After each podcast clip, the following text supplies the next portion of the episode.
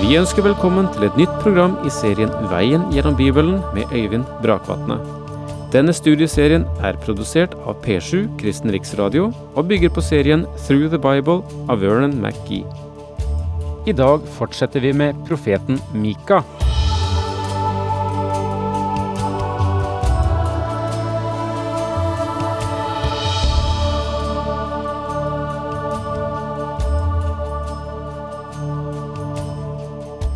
Profeten Mika taler inn i den folkereligiøse situasjonen som fantes i Israel. Dette dreier seg både om Nordriket og Sydriket, selv om Mika i særlig grad er en utsending til Nordriket. Selv kommer han fra syd. Og det vi begynte på sist, var å si litt om de spørsmålsstillinger som lå i folket, og som vi kan nå målbærer. Eh, eller du kan gjerne si setter navn på, som vi pleier å si det i våre dager. Så han setter navn på en del spørsmålsstillinger som er i folket, og løfter dem frem. Og det er eh, velbegrunnede spørsmål, det er aktuelle spørsmål, og de er aktuelle fremdeles. Og vi begynte med vers seks. Hva skal jeg ha med når jeg trer fram for Herren? Det er et spørsmål som fremdeles stilles. Et spørsmål som folk aldri blir ferdig med. Det går gjennom alle slekter. Hva skal jeg ha med og det er slik det skjer. Fra menneskets synspunkt. Hva skal jeg ta med meg? Og det andre spørsmålet som kommer her, er skal jeg komme til ham med, med brennoffer? Er det mer av det han vil ha? Og det tredje spørsmålet er Gud, er du en Gud som har med, med, med kvantum å gjøre? Gjør jeg for lite? Er det, er det meng, et mengdebegrep, dette å ha det godt med Gud? Bryr Herren seg om tusener av værer, titusener av oljebekker? Eller er det inn på min personlige verden du vil ha ofrene, og det, det er her vi befinner oss nå. For i det syvende verset i kapittel seks kommer også spørsmålet Skal jeg ofre min førstefødte for min synd, min livsfrukt, for min overtredelse. Det var liksom den ytterste grense. Det var det sterkeste offer som kunne, kunne bringes. Og Israel var omgitt av hedenske religioner der menneskeofringer var kjent, både av Molok eller Baal. Så det er ikke merkelig at dette spørsmålet stilles, men gjennom Skriften advarer Gud mot å ofre mennesker. Det er to gudløse konger i Israel som i historien har ofret mennesker, og det behaget ikke Herren. Og derfor så Selv om Herren sier at alt av hannkjønn som er første frukt, både av mennesker og dyr, skal tilhøre ham, så er det ikke derfor snakk om offer i den mening, men det skulle være innviet til ham. Men mennesket kunne løses ut med sølv istedenfor. Og det betyr ganske enkelt at Gud ikke hadde behag i menneskeoffer. Eh, og derfor ble mennesket sett på egentlig som, som urent, for de kom i samme klasse som urene dyr. De skulle ikke ofres.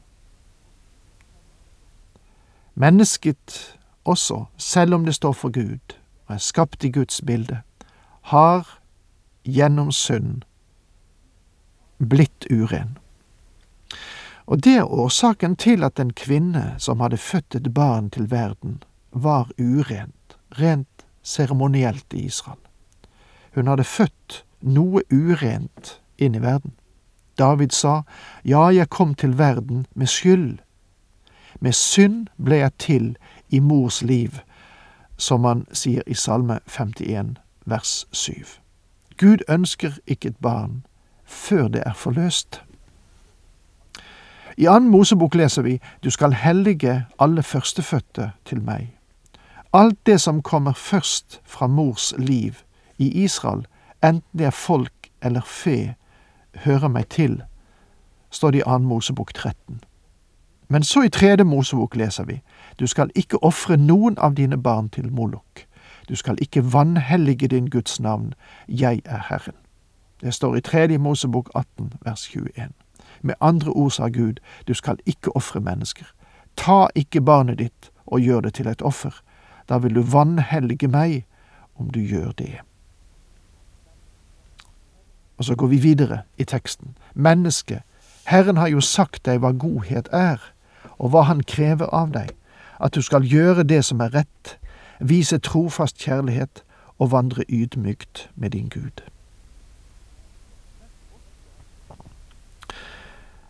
Vers åtte er en glede og en tilfredshet for mange fordi man tror at dette presenterer en gjerningskristendom, en gjerningsreligion, som forteller at vi kan bli frelst ved våre gjerninger.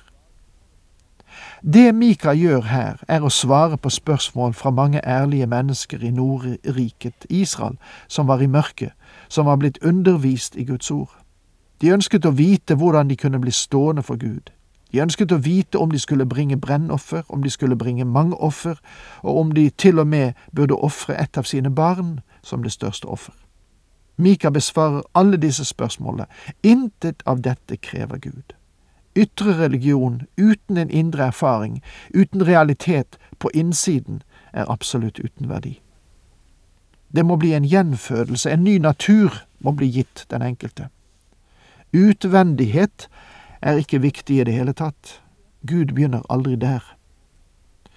Om du ønsker å vite hva Gud gleder seg over, hva Han krever av mennesket, så vil dette verset fortelle deg det. Og jeg vil at vi skal se på dette med omtanke og granske hver detalj, og gjør vi det, så vil vi klart se at vi ikke blir frelst ved gjerninger. Menneske, Herren har jo sagt deg hva godhet er.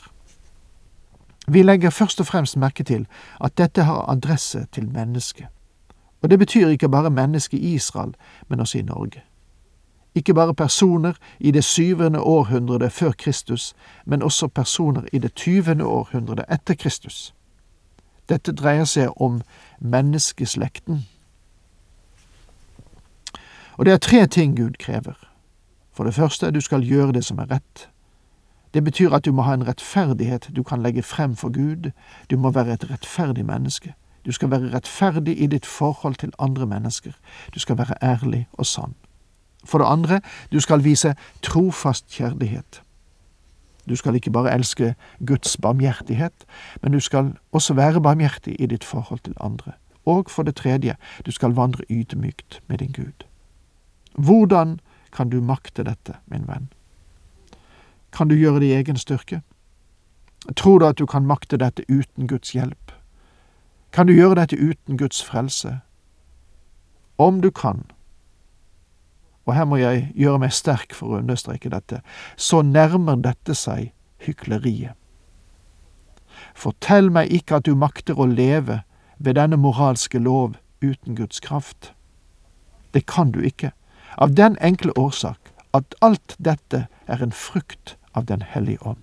Men åndens frukt er kjærlighet, glede, fred, overbærenhet, vennlighet, godhet, trofasthet, tålsomhet og selvbeherskelse. Slike ting rammes ikke av loven, skriver Paulus i Galaterne 5, vers 22-23. Alle de tre forhold Mika nevner, er Den hellige ånds verk i den troendes liv. Ingen av oss har dette i livet av seg selv i dag. La oss vende oss til Det nye testamentet og se hva som sies angående disse ting. Lytt til en mann som levde under loven. I Apostlenes gjerninger kapittel 15, da apostlene skulle beslutte om hedningene måtte holde hele loven for å bli frelst, da reiste Simon Peter seg og sa, Nei, vi tror at vi ble frelst av Herren Jesu nåde på samme måte som de, står det i vers 11. Hvorfor sa han det? Fordi han nettopp i vers 10 hadde sagt, Hvorfor utfordrer dere da Gud og legger på disiplenes nakke et åk som verken våre fedre eller vi har orket å bære? Simon Peter sa, Jeg levde under loven, og jeg tror ikke at han kom så langt bort fra den, selv etter at han ble frelst, og likevel makter jeg ikke å holde den. Gud har gjort dette helt klart også gjennom ordene fra apostelen Paulus. Hør hva det står i Romerbrevet kapittel 8 vers 5-9. De som lever etter sin syndige natur, er bare opptatt av det som hører mennesker til, men de som lever etter Ånden, er opptatt av det som hører Ånden til. For det mennesker av naturen traktet etter, fører til død, men det Ånden vil, leder til liv og fred. Det menneskene av naturen trakter etter, betyr fiendskap mot Gud. For vår onde natur bøyer seg ikke for Guds lov, ja, den kan ikke gjøre det. Slik menneskene er i seg selv, kan de ikke være etter Guds vilje.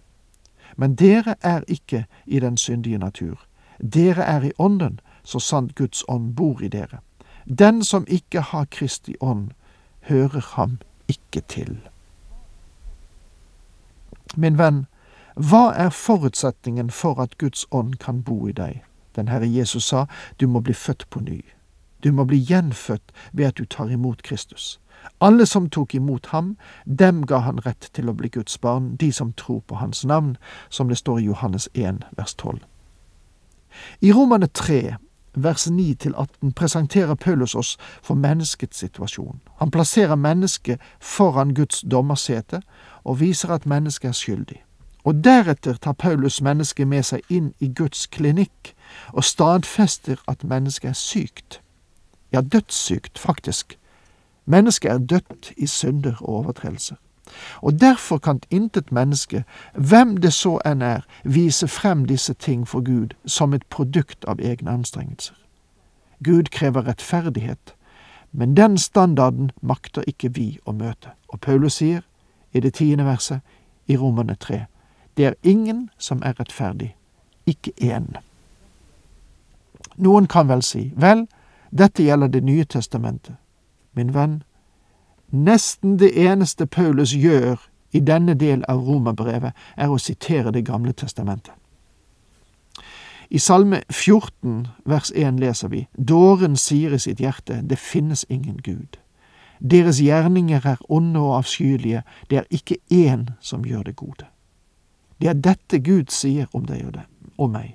Men Gud sier også at han krever rettferdighet. Hvordan vil du, ut fra den forutsetning Bibelen legger til grunn, vel å merke, presentere ham med den, min venn?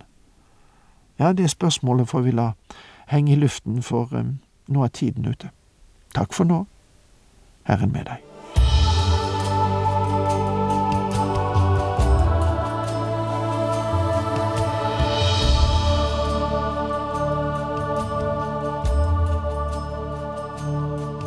Du hørte Øyvind Brakvatne i studieserien Veien gjennom Bibelen.